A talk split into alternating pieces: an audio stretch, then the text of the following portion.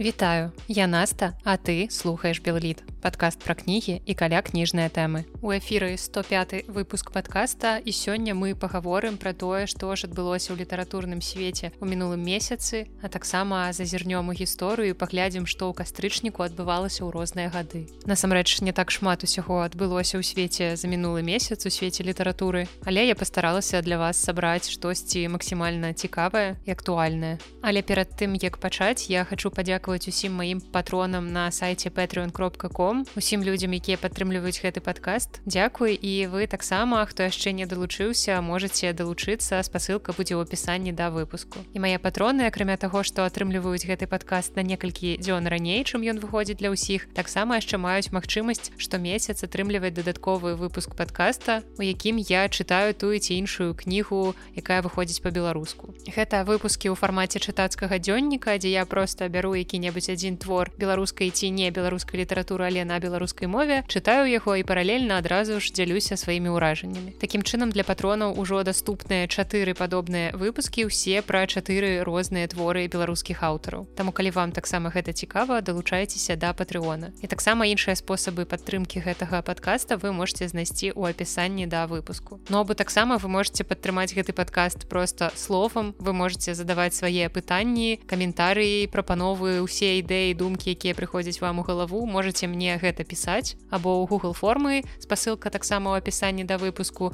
або ў каментарыях на Ютубе на soundundcloud на кастбоксе або таксама мне на электронную пошту беллітпост сабака gmail.com на ўсё стараюся аператыўна адказваць таму не пужайцеся калі ў некалькіх выпусках вы не пачулі свой каментарый хутчэй за ўсё просто адказнае ваше пытанне будзе далей у адным з наступных выпуску Ну а цяпер пераходзім уласна да літнавінаў і пачынаем традыцыйна мы з беларускіх аўтараў, якія ў кастрычніку адсвяткавалі свой юбілей. 3 кастрычніка 1978 года сваё 45годдзя адсвяткаваў беларускі паэт Віктор Жыбуль. Я чытала шмат яго зборнікаў і акурат з апошняга прачытанага сёлета, пра што я вам яшчэ не расказвала. Гэта яго зборнік забіў сабе сакрата, напісаны ў суаўтарстве з жонкай верай бурлак. Агулам мне падабаецца, што Віктор робіць у паэзіі гэта гэта вельмі смела гэта заўсёды захапляе але таксама зборнікі ў яго бываюць розныя. Ад зборніка стапелі пра якія вам рассказывала ў 28 выпуску подкаста і які я вельмі люблю да напрыклад таких зборнікаў як дзяцел і дупло ці дыафрагма якія мяне ўразілі менш. Ну і кніга забіў сабе сакрата хутчэй адносіцца на жаль да другой групы. Увогуле варта спачатку адзначыць што гэта зусім маленечкая кніга. Калі вы уяўляеце сабе кішэнны фармат то не забудьте гэта яшчэ ў некалькі разоў менш за кішэн кішэнны фармат так што вершаў там зусім няшмат. І збольшага вершы там вельмі несур'ёзныя жартоўныя накшталт такога. На правадох электрык павіс тырчыць адвёртка зілба. І думаеш бачачы гэты эскіз наше жыццё барацьба часам у зборніку сустракаецца і нешта больш сур'ёзнае з пераасэнсаваннем свету навокал але таких вершаў меншасць. Большасць тут усё ж такі гэта нейкія гульні са словам наогул з мовай і часам таксама хочацца пачытаць і нешта падобнае не ўсё ж чытаць нейкую палымяную грамадзянскую лірыку. Так што ад сябе я ўсё ж таки вам абавязкова раю пазнаёміцца з творчасцю Віктора жыбуля калі вы цікавіцеся паэзій але пачынаць я б вам лепш раіла з кнігі стапелей ну і таксама асобны від задавальнення гэта пабываць на жывым выступленні Віктора На жаль апошнім часам у нас няма такой магчымасці. Але я думаю што на Ютубе можна знайсці падобныя запісы 11 кастрычніка 1913 года 110 гадоў таму нарадзілася эдзі агняцвет дзіцячая паэтка і перакладчыца. Шчыра прызнаюся што для мяне яна больш вядомая у другой сваёй іпастасі. У асноўным я ведаю яе як перакладчыцу. Яна перакладала з рускай з украінскай мовы а таксама з французскай. І калісьці яшчэ калі я вучылася ва ўніверсітэце у яе перакладах я чытала зборнікі гіёма палінера зямны акіян і зборнік поля элюара з табою і яшчэ адзін беларускі юбіляр кастрычніка гэта Масім Клімкович, які сваё 65годдзе святкаваў 21 кастрычніка. Нарадзіўся ён у літаратурнай сям'і, вы адразу я думаю, можете прыгадаць яго дзеда Мехася Клімковіча, які ўзначальваў саюз пісьменнікаў БСР і напісаў словы дзяржаўнага гімна Беларусі. Менш вядомы бацька сёлетняга юбіляра, але ён таксама пісьменнік і драматург завуць яго алесь махнач. Ну а сам Масім Клімкович вельмі шмат зрабіў беларускай літаратуры для распрацоўкі дэтэктыўнага жанру. Ну Ну мяне з апошніх яго прачытаных кніг пра якія я вам дагэтуль не рассказывала гэта шкляная лялька гэта невялічкая кніга якая выйшла ў выдавестве галіяфу ў 2021 годзе. Гэта даволі цікавая гісторыя якая вельмі нагадвае страшылкі якія мы малымі рассказывалі адну аднаму. І калі у вас ёсць гэтая кніга то раю яе пачытаць у продажы Мабыць яе ўжо не дастаць таму што наклад быў невялікі ўсяго 200 асобнікаў Цяпер пераходзім да юбіляраў літаратуры замежнай. 26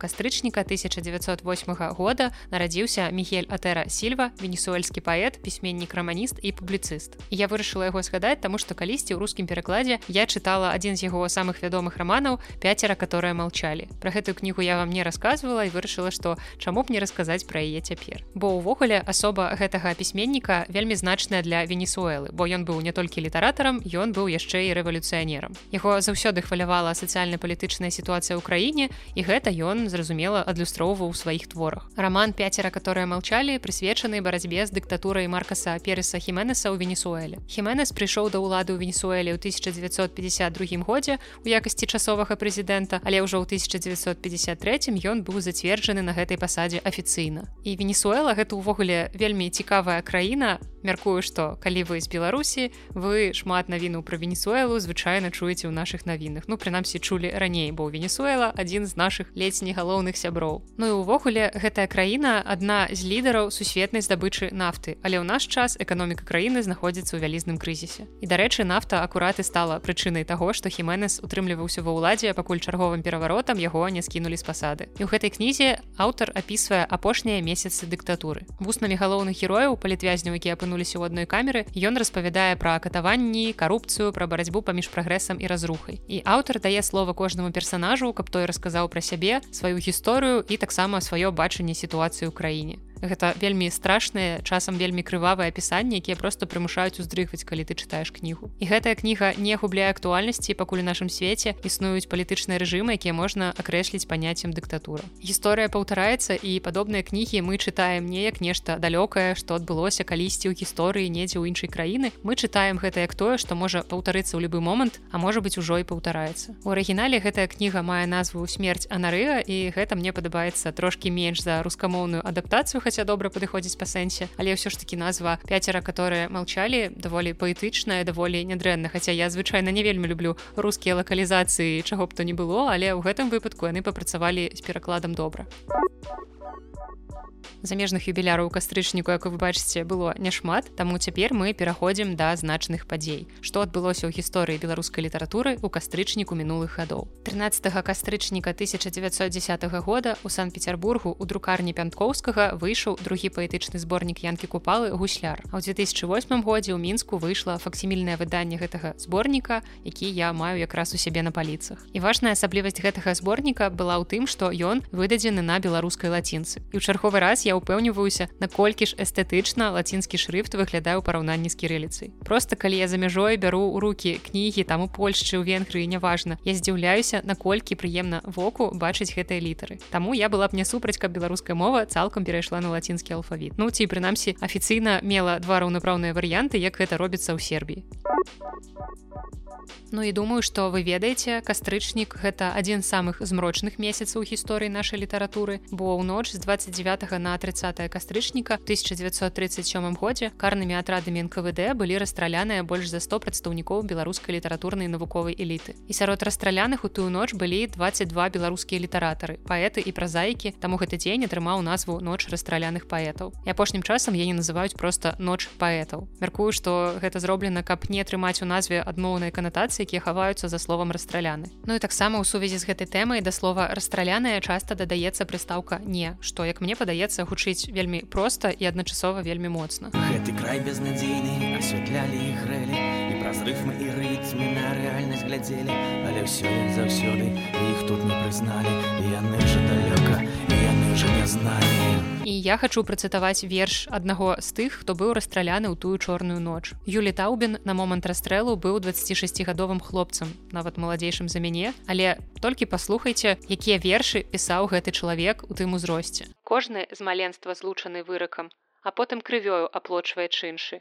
На Беларусі зрабіцца лірыкам, куды лягчэй, як чым-небудзь іншым. Вагон прорываецца рыбай праз нерад. Бярозы галлём быццам б'юцца ашыбы. І так мая лірыка рвецца наперад, як гэтая самая ў нераце рыба. З маленства з нас кожны злучаны выракам і плоціць за вырак багатая чыншы. Гавораць, што жыць лірыкам. Магчыма, цяжэй, як іншым. 30 кастрычніка 1919 года у газеце Беларусь быў апублікаваны верш Макара Краўцова пад назвай мы выйдзем шчыльнымі радамі, які стаў гімнам БНР пад назвай ваяцкі гімн.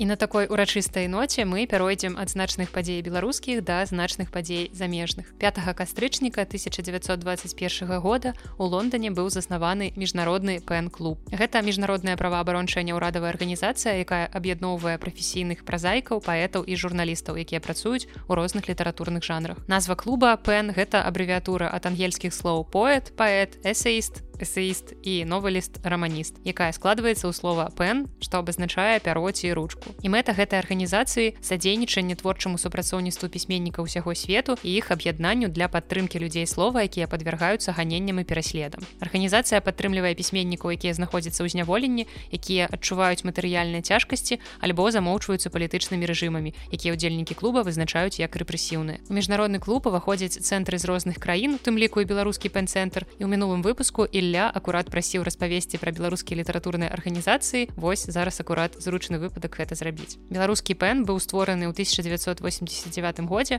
а праз год быў прыняты ў структуру міжнароднага пена і ў свой час наш пен-цэнтр узначальвалі такія аўтары як рыгор барадулін Васіль быкаў і іншыя беларускія літаратары. Але ў ліпені 2021 года па юрыдычным адрасе пен-цэнтра прайшоў ператрус былі арыштаваныя рахункі арганізацыі і 9 жніўня 21 года у суде беларускі пен-цэнтр быў ліквід ліквідаваны. Праз год яны атрымалі рэгістрацыю ў Польшчы і там працягваюць займацца сваёй дзейнасцю, падтрымліваючы беларускіх літаратараў па ўсім свеце. З 2019 года пен-цэнтр узначальвае наша нобелеўская лаўрэатка Святлана Алексеевич. Беларускі пен-цэнтр займаецца літаратурнымі прэміямі накшталт прэміі шэрмана ці гідройце. таксама ладзіць літаратурныя мерапрыемствы, такія як фестываль прадмова, які сёлета зноў прайшоў у розных краінах, але не ў Беларусі. Ну і таксама шмат якой карыснай дзейнасці робіць гэтая арганізацыя. І спадзяюся, што настануць усё ж тыя светлыя часы калі паэнцэнтр зможа паўнавартасна працягнуць працу на тэрыторыі беларусі бо зараз пакуль што атрымліваецца як у вершы сыса у гэтай краіне не маю я дому. Праўда гэта атрымліваецца не толькі ў пэн-цэнтра але і шмат у каго з нас таксама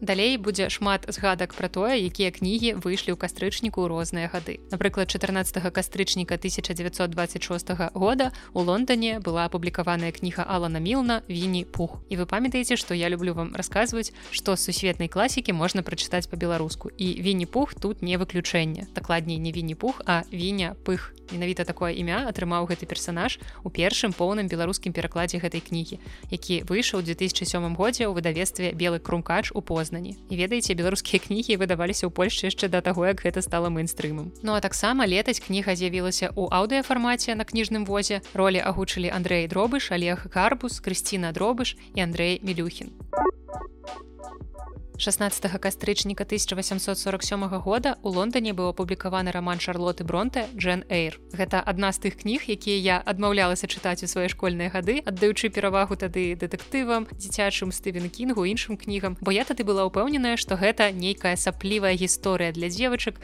і мне такое дакладна не трэба. І вось толькі прачытаўшы яе ва універсітэце, я зразумела, як я памылялася і полюбіла гэту кнігу. На жаль, няма беларускага перакладу гэтага рамана, але гэта той твор, які варта варта было б мець паколькі гэта адна з тых класічных кніг якія старэюць прыгожа не перастаючы заставацца цікавай актуальнай. Прынамсі я буду вельмі чакаць беларускі пераклад. І цікавы факт пра першы рускі пераклад які выйшаў даволі хутка ў 49 годзе 1849 праз два гады пасля арыгінальнай публікацыі. Першы рускі пераклад называўся Дженні ір но ну, таксама цікавы факт пра твор.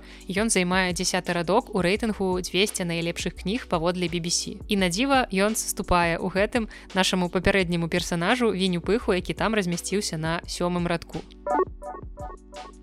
Ну а цяпер згадаем тую кнігу, якая узначальвае топ BBC і не гэта не Гары Поттер. 20 кастрычніка 1955 года адбылася публікацыя кнігі вяртанне караля апошняй часткі валадара пярсцёнку. І так менавіта гэтая трылогія лічыцца найлепшай кнігай па версіі BBC. І зраблю невялічкае лірычнае адхіленне, каб расказаць увогуле, што гэта за рэйтынг такі. Першапачаткова ён быў складзены 20 гадоў таму 2003 у выніку апытання, у якім прынялі ўдзел грамадзяне Великабрытаніі. Было апытана каля мільёна чалавек але як вы бачыце ёсць нейкая аднабокасць у гэтым спісе тому что амаль усе пункты ў ім займаюць кнігі брытанскага паходжання. Я не спрачаюся што брытанская літаратура цудоўная з багатай гісторыяй традыцыямі але гэты спіс зусім не апошняя інстанцыя гэта просто чарговы бясконцы спіс добрых кніг якія мы ўсё роўна не прачытаем до конца жыцця. Але ведаеце прыемна памарыць паўяўляць пабудаваць сабе планы. Я нават замарочылася і подлічыла колькі на гэты момант у мяне прачытаных кніг стопа BBC і атрымалася 82 у прынцыпе гэта гэта нямала і мне будзе цікава даведацца колькі кніг з гэтага спісу чыталі вы. Я пакіну спасылку на спісу апісанні ці просто можете загугліць стоп кніг па версіі BBC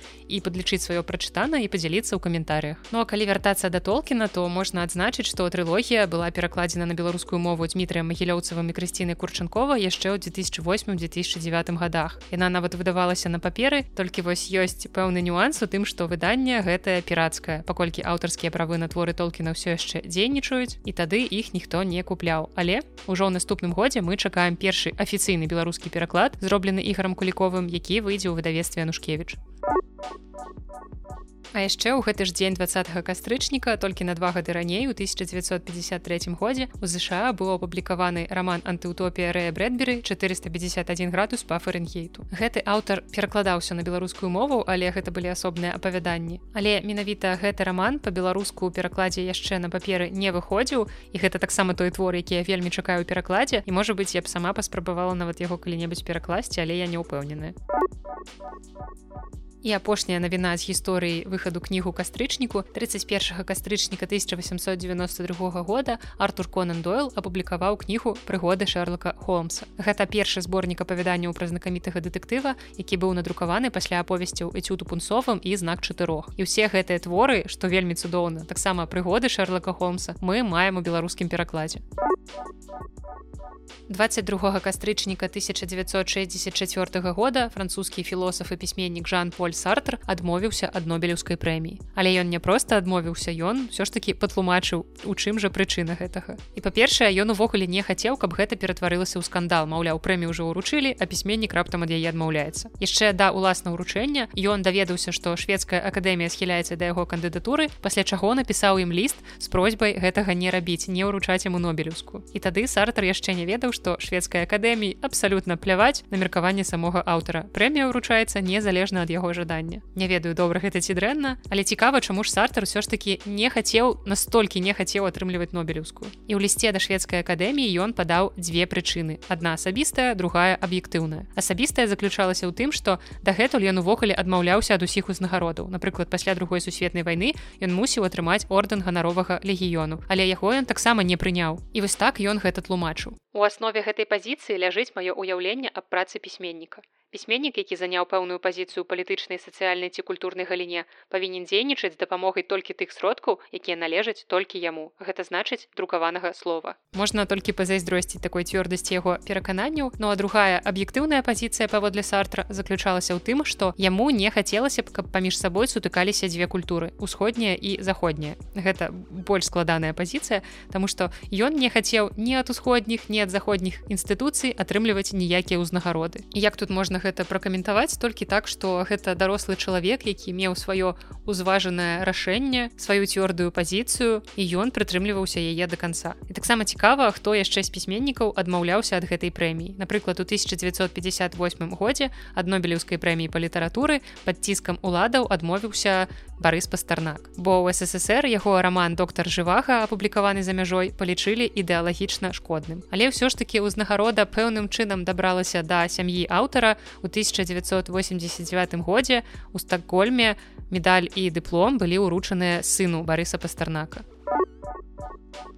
Цяпер ад гісторыі плаўна пераносімся ў сучаснасць і паглядзім, чым жа нас здзівіў, парадаваў або расчараваў кастрычнік. І пачнём з замежных літаратурных навін. І тут нават не буду адкладваць надоўга, пачнём з навіны пра чат GPT, які стаіць на варце маралі ў амерыканскім штаце Аёва. Рэч у тым, што мясцовыя чыноўнікі звяртаюцца па дапамогу чата GPT, каб вырашыць, якія кнігі забараніць для чытання школьнікам. І ведаеце, які ў іх галоўны крытэрый, каб вызначыць, якія кнігі адпавядаюць новым патрабаванням, яны задаюць чату GPT пытанне ці змяшчае наступная кніга апісанне палавога акту. І калі адказ станоўчы то кніга будзе канфіскаваная з бібліятэк. І дапамога штучнага інтэлекту ім спатрэбілася бо зразумела што тэхнічна немагчыма прагартаць усе кнігі ў пошуках падобных сцэн. І тут шкада толькі што чыноўнікі настолькі некампетэнтныя не вельмі разумеюць што штучны інтэлект штука недасканалая. І таму нельга ў такой сітуацыі цалкам на яе разлічваць на ўздагон навіне пра штучны інтэлект ляціць наступная навіна. Слоўнік англійскай мовы коллінс назваў слова 2023 года і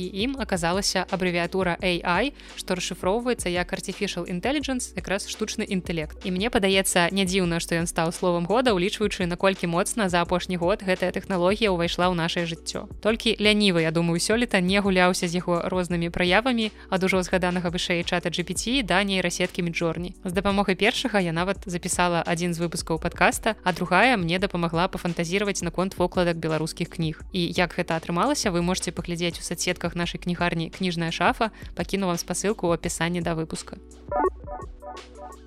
перуанскі нобелеўскі лаўрэат Мара варгас лёса паведаміў што яго наступная кніга стане апошняй. Ён сказаў што ўсё яшчэ плануе напісаць эсэ пра сартра якое паводле слоў пісьменніка будзе апошнім што я напишу але гэты чалавек мае за плячыма 70гадовую пісьменніцкую кар'еру Я думаю што ад такога сапраўды можна стаміцца. І ў паскрыптуме да сваёй новай кнігі я дару табе сваё маўчанне даруйце я не вымаўлю гэта па-іспанску. 87гадовы пісьменнік адзначыў. Я думаю што скончыў гэтую кнігу. Цяпер я хочу напісаць эсэ пра сартра які быў маім настаўнікам у юнацтве. Гэта будзе апошняе, што я напишу. Нягледзячы на ўзрост пісьменнік захоўвае аптымізм і лічыць, што мае яшчэ недзе тры-чатыры гады на напісанне апошняй кнігі. І спадзяецца, што паспее яе скончыць крыху сумных навін без іх у нас ніколі не абыходзіцца ніводзін выпуск подкаста. 28 кастрычніка не стала мэтью пэры амерыканскага акцёра вядомага сваёй роллю чэндлера бінга ў культавым серыяле сябры як і многія знакамітасці пэры выдаў аўтабіяграфію якая выходзіла ў рускім перакладзе под назвай друзья любимая і одна большая ужасная вещь шчыра кажучы назва по-руску гучыць вось тут жахліва. Чаму ён увогуле вырашыў напісаць кнігу? Бо рэч у тым што ў сваім жыцці мэтью пэры прайшоў праз змаганне з наркатычнай алкагольнай залежнасці гасцямі і таму яму дакладна было пра што расказаць у сваёй кнізе і зразумела што цікавасць да кнігі ўзрасла і ў сувязі са смерцю пэры яна стала бестселлером Амазон у ЗША і Великабрытаніі і цікава што кніга паводле папулярнасці зараз абагнала аўтабіяграфію брытні спірс якая выйшла 24 кастрычніка і таксама ўжо паспела нарабіць шуму. Недзе істарычна заплакаў адзін Джастин цімберлейк Ну а кніга Мэцю пэры Мачыма дапаможа камусьці хто апынуўся ў складанай жыццёвай сітуацыі. Я невялікая фанатка серыяла сябры я глядзела яго адзін раз у прынцыпе ён мне даспадобы. Я лічу што ён магчыма трошачкі састарэў таму наўрад ці я буду яго пераглядаць хаця ў мяне ёсць процьма улюбёных серыялаў той жа офіс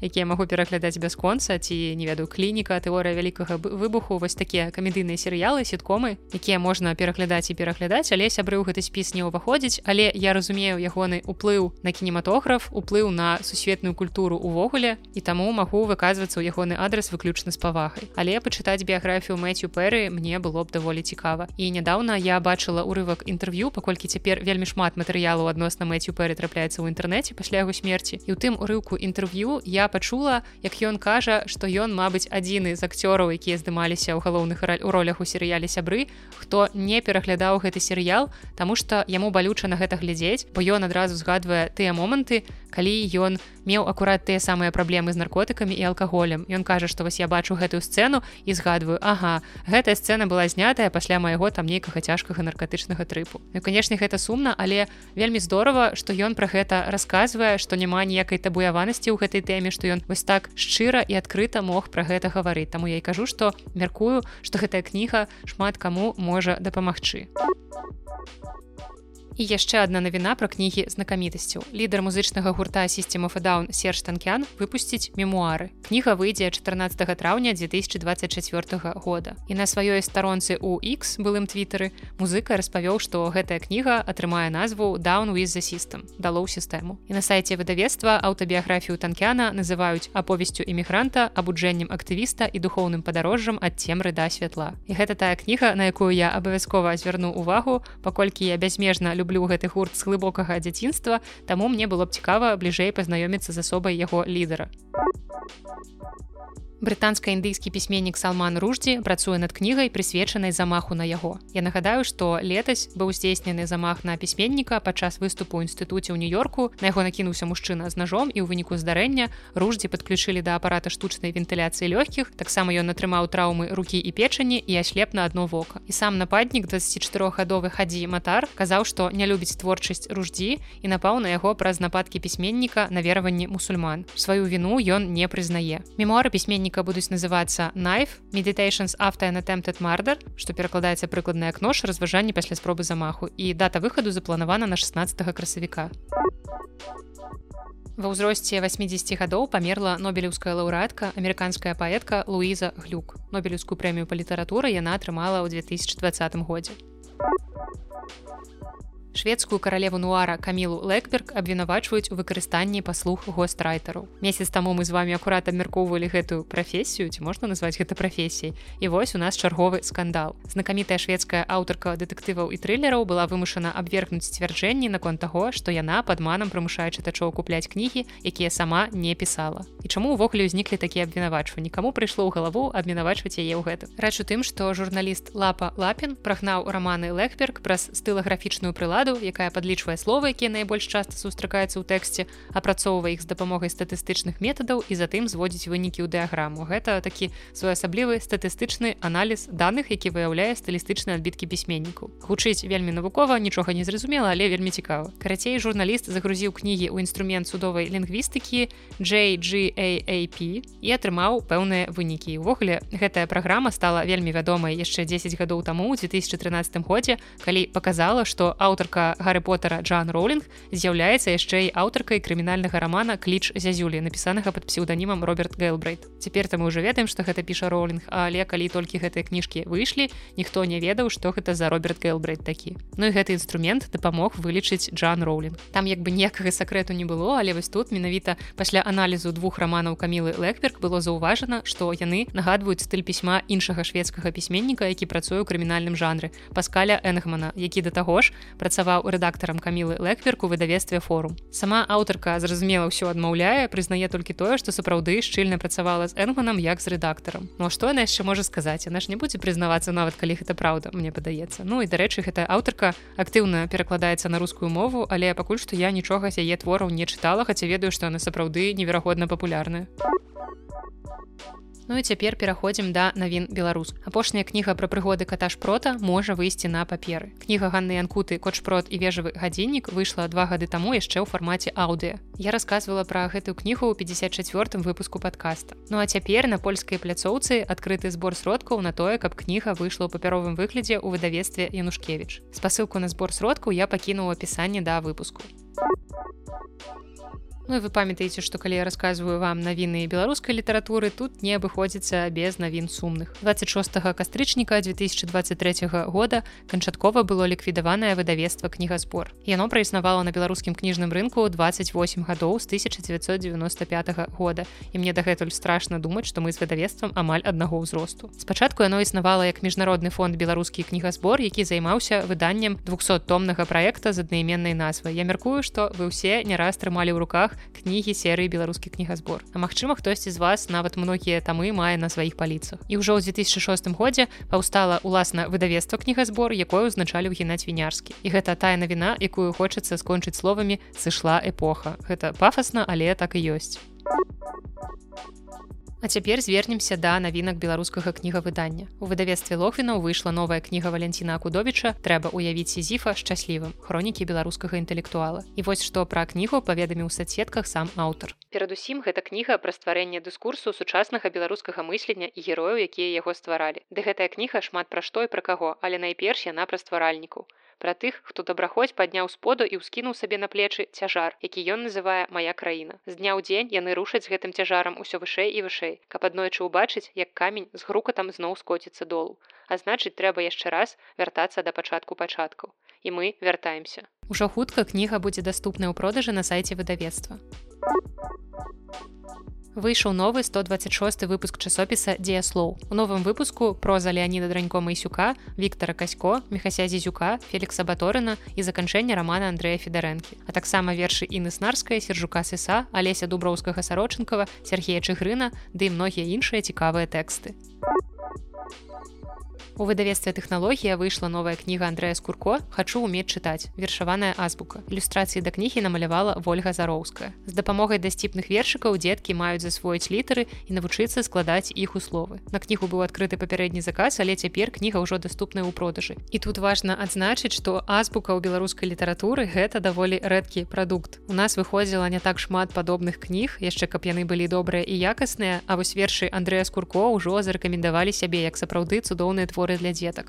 Таму абавязкова раю вам звярнуць на гэту кнігу ўвагу. Яшчэ адна дзіцячая навінка мінулага месяца гэта калядныя гісторыі цэлай жмені французскіх аўтараў ад выдавецтва папуры. Гэта чароўныя калядныя апавяданні, якія падыходзяць для чытання дзецям на ноч. Кніга выйшла ў дзвюх версіях па-беларуску і па-руску пераклад зрабіла кацярына маціеўская. І ўжо як бы лістапад на дварэ ўжо пора падумаць пра тое, што вы будзеце дарыць сваім блізкім і самы час задумацца, каб купляць кніжкі на калядную тэму і тады сюды ж у подборку да калядных падарункаў ляціць навінка выдавецтва папуры яшчэ адна. Гэта 24 кніга дзіцячай пісьменніцы надзея ясмінскай под назвай снегуруме ілюстрацыі да кнігі намалявала мастачка Святлана мехалап з якой надзея ўжо раней працавала над кнігай сподачак для цмока там што сюжэт што ілюстрацыі былі проста выдатныя таму вельмі хачу прачытаць таксама і гэтую новую кнігу надзеі ізноў дзіцячая навінка гэтым разам ад выдаўца романа цымберова вулкан і цялятка якое выратаваў пу гэта кніга шведскай пісьменніцы грэты ротбель ілюстрацыі да якой намалявала вівека шогрен. Я спадзяюся што я ўсе гэтыя шведскія імёны добра вымавіла. Пераклад са шведскай мовай зрабіў дмітрый плакс Пяць гадоў таму выходзіла цудоўная кніга Сергея Шапрана беларускі гістарычны анекдот. Ну а цяпер у выдаўца рамана Цымберова выйшаў яе працяг беларускі гістарычны і літаратурны анекдот. І калі ў першай кнізе былі змешчаны гісторыі не толькі пра літаратараў, то ў гэтым выданні ў фокусе галоўным чынам дзеячы беларускай літаратуры. Здаецца, першую кнігу я вам ужо сто разоў хваліла ў гэтым падкасці, дзялілася некаторымі гісторыямі адтуль, але ў продажы яе, на жаль, ужо не дастаць. Таму не прапусціце хаця б гэтую навінку такі кароткі атрымаўся сённяшні выпуск. Як бачыце не так шмат цікавых літаратурных навінаў адбылося ў кастрычніку. Мачыма літаратурны свет таксама ўжо паступова пачынае ўпадаць у спячку у зімоўку. Але спадзяюся што ўсё ж такі не. І лістапад парадуе нас вялікай колькасцю сапраўды добрых літаратурных навін. Зразумела што мы не можемм абысціся і без сумных і дрэнных але няхай іх будзе нашмат нашмат меней. І калі ў апошняй частцы выпуску вы не пачулі пра нейкую кнігу якая вы выйшла ў кастрычніку таксама ў беларускіх выдавецтвах то калі ласка напишитеце мне я дадам яе абавязкова раскажу ў наступных выпусках Таму што я таксама магу штосьці выпусціць з-пад увагі штосьці прапусціць не магу ахапіць усё на жаль як бы мне не хацелася Таму абавязкова пішыце ў пачатку подкаста я рассказывала не буду паўтарацца ўсе месцы куды можна напісаць усё будзе ў апісанні да выпуску Ну і таксама нагадаю што ў гэтым месяцы рыхтуйцеся да нашага наступнага пасяджэння ці не? Мы, мы вырашылі не называць гэта больш пасяджэннямі. Наста сказала што гэта гэта патыхае чымсьці такім не вельмі прыемным. Таму цяпер мы гэта называем сходка. Карацей калі вы рыхтуецеся да наступнай сходкі кніжнага клуба анягош то вы магчыма ўжо чытаеце кнігу зараславай камінскай по той бок я вось толькі-толькі нядаўна яе дачытала. Цяпер я чакаю пакуль сярожа і наста зробіць тое ж самае. І калі вы чуеце мой падкаст калі ласка рабяты паскарайцеся памятайце якую вялікую адказнасць мы маем перад нашымі слухачамі якія чакаюць гэтага якія магчыма ўжо прачыталі гэтую кнігу і вельмі чакаюць чарговага лістападаўскага пасяджэння сходкі. Кніга ёсць у продажы ў тым ліку ў нашай кнігарні пакіну вам спасылку ў апісанні да выпуску. І ад сябе магу трошкі дадаць, што кніга мне спадабалася. Я б вам параіла хутчэй яе прачытаць, Таму не бойцеся, бярыце, чытайце, і слухайте наше пасяджэнне сходку. Я ніколі не перастроюся казаць сходку я заўсёды буду пафасна казаць пасяджэнне. Ну і таксама ў гэтым месяцы вас чакае яшчэ некалькі цікавых выпускаў дзе я буду расказваць пра апошняе прачытанае. Ну і таксама будзе пэўны тэматычны выпуск які пакуль што не буду спойлерыць. Ну а на сёння гэта ўсё. З вами была наста і падкаст белліт да сустрэчы